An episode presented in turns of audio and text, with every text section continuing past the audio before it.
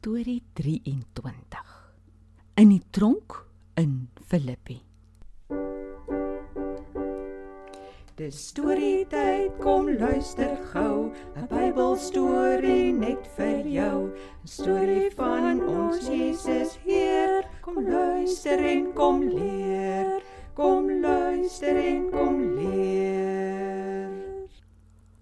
My God is so groot, so sterk en so magtig. Daar's niks wat my God nie kan doen. Hallo Tobias. Hallo maats. Klink my ons het 'n vrolike ouetjie hier by ons. Hallo almal. Ja, dis lekker om van Jesus te sing en om te sing as mens vrolik voel. Tobias, het jy geweet ons kan ook sing as ons nie vrolik voel nie? Of dalk hartseer of bang is?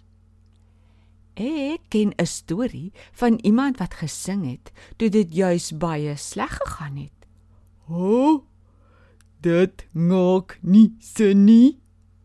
Ngor vertel ngor. Jy onthou vir Paulus en Silas wat op hulle tweede sendingreis gegaan het? Hulle het daar in Filippi in Lydia se huis oorgebly terwyl hulle vir mense van Jesus geleer het. Eendag loop hulle na die bidplek toe. Daar kom toe 'n vrou wat 'n entjie agter hulle begin aanloop. Sy begin toe skreeu dat almal kan hoor. Luister! Dienaars van God, die hoogste hoogste God. Hulle vertel vir julle hoe julle gered kan word. Oh, het sy hulle geken? Ons hoe het sy dit geweet? Die vrou was 'n slavin.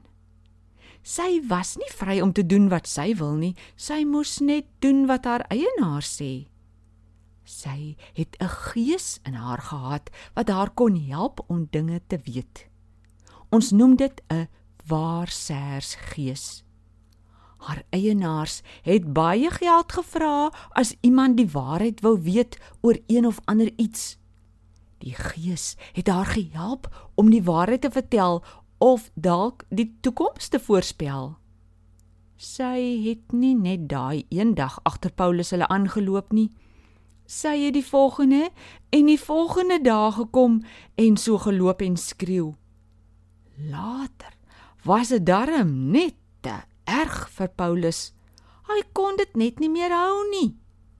Hy het omgedraai na haar toe en vir die gees gesê: Ek beveel jou in Jesus Christus se naam om uit haar uit te gaan. En net daar gaan die gees toe uit haar uit. Sjoe. Dat gebeur toe met die vrou dan nie. Sy is toe terug na haar eienaars en sommer baie vinnig het hulle gesien dat sy nie meer die waarsêersgees in haar het nie. Nou kan hulle nie meer geld uit haar maak nie. Dit maak hulle toe woedend, kwaad. Hulle gryp vir Paulus en Silas en sleep hulle na die stadsplein in die middel van die stad. Hulle bring hulle toe voor die stad se bestuurders en vertel 'n jokstorie. Hierdie Jode kom moeilikheid maak hier in ons stad. Hulle wil vir ons gebruike leer wat ons as Romeine nie kan aanvaar of doen nie. Ander mense wat daar rond gestaan het, begin ook toe sommer saam praat en sê slegte dinge van Paulus en Silas. Die stadsbestuur dink toe hulle is regtig moeilikheidmakers. Hulle roep die polisie in. Die polisie skeur Paulus en Silas se klere van hulle lywe af. Die stadsbestuur sê ook hulle moet lyfstraf kry. Hulle is toe met lelike swepe geslaan op hulle rug. Och nee. Arme Paulus en Silas kon hulle daarna darring huis toe gaan? Nee. Hulle is toe gegryp en in die heel binneste sel van die tronk gaan toesluit. Hulle voete is vasgemaak in houtblokke wat vas was aan die tronk se vloer. Daar sit hulle toe. Koud. Honger met stikkende seere en hulle voete pyn van die houtblokke. Dis ons ante oil. Het hulle gehuil dan nie? Tobias. In die middel van die nag het hulle daar in die tronk tot God gebid, want hulle lywe was te seer om te kon slaap. Toe hulle klaar gebid het, het hulle begin sing. Nie huil of kermliedjies nie, nee, hulle het lofliedere gesing wat vertel hoe groot en goed God is. Al die ander gevangenes het gesit en luister. En toe gebeur daar 'n wonderlike ding. Ewe skielik hoor hulle 'n groot gerammel en die tronk se vloer skud en bewe hier onder hulle. Die boeye aan al die gevangenes se hande en voete begin bewe ook en spring een vir een los. Die tronk se deure swaai oop. Dit was 'n groot aardbewing. Die tronkbewaarder skrik wakker. Hy sien al die deure staan oop en dink: "Al hierdie gevangenes het weggehardloop." Môre maak die stadsbestuur my dood. Ek sal dan liewer in my eie swaard val. Hy gryp sy swaard, maar gelukkig hoor hy betyds so Paulus roep: "Nee, moenie jouself doodmaak nie. Ons is nog almal hier." Die tronkbewaarder hardloop na Paulus en Silas toe en val bewend voor hulle twee neer. Hy vat hulle buitentoe en vra: "Meneere, Wat moet ek doen om gered te word? Paulus antwoord hom: Glo in die Here Jesus en jy sal gered word, jy en jou huisgesin. Die tronkbewaarder vat hulle toe na sy huis toe.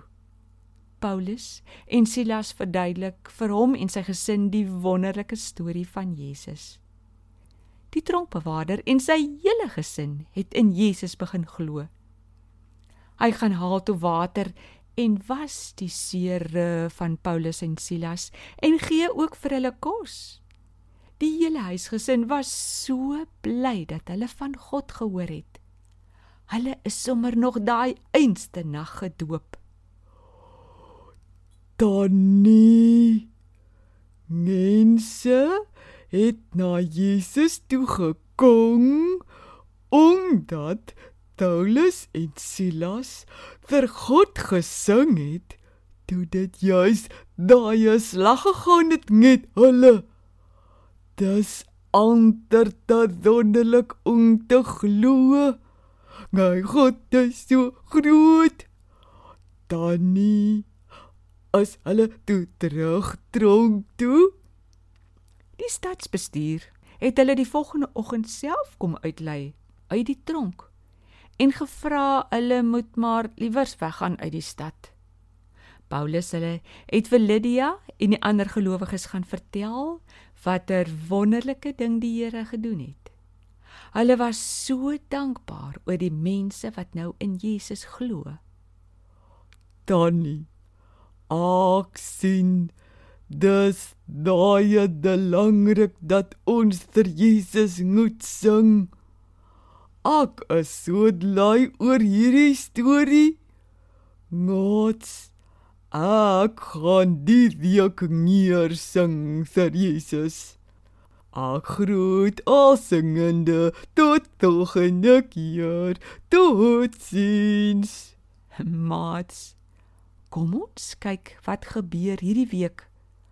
As jy vir Jesus sing, juis as dit sleg gaan.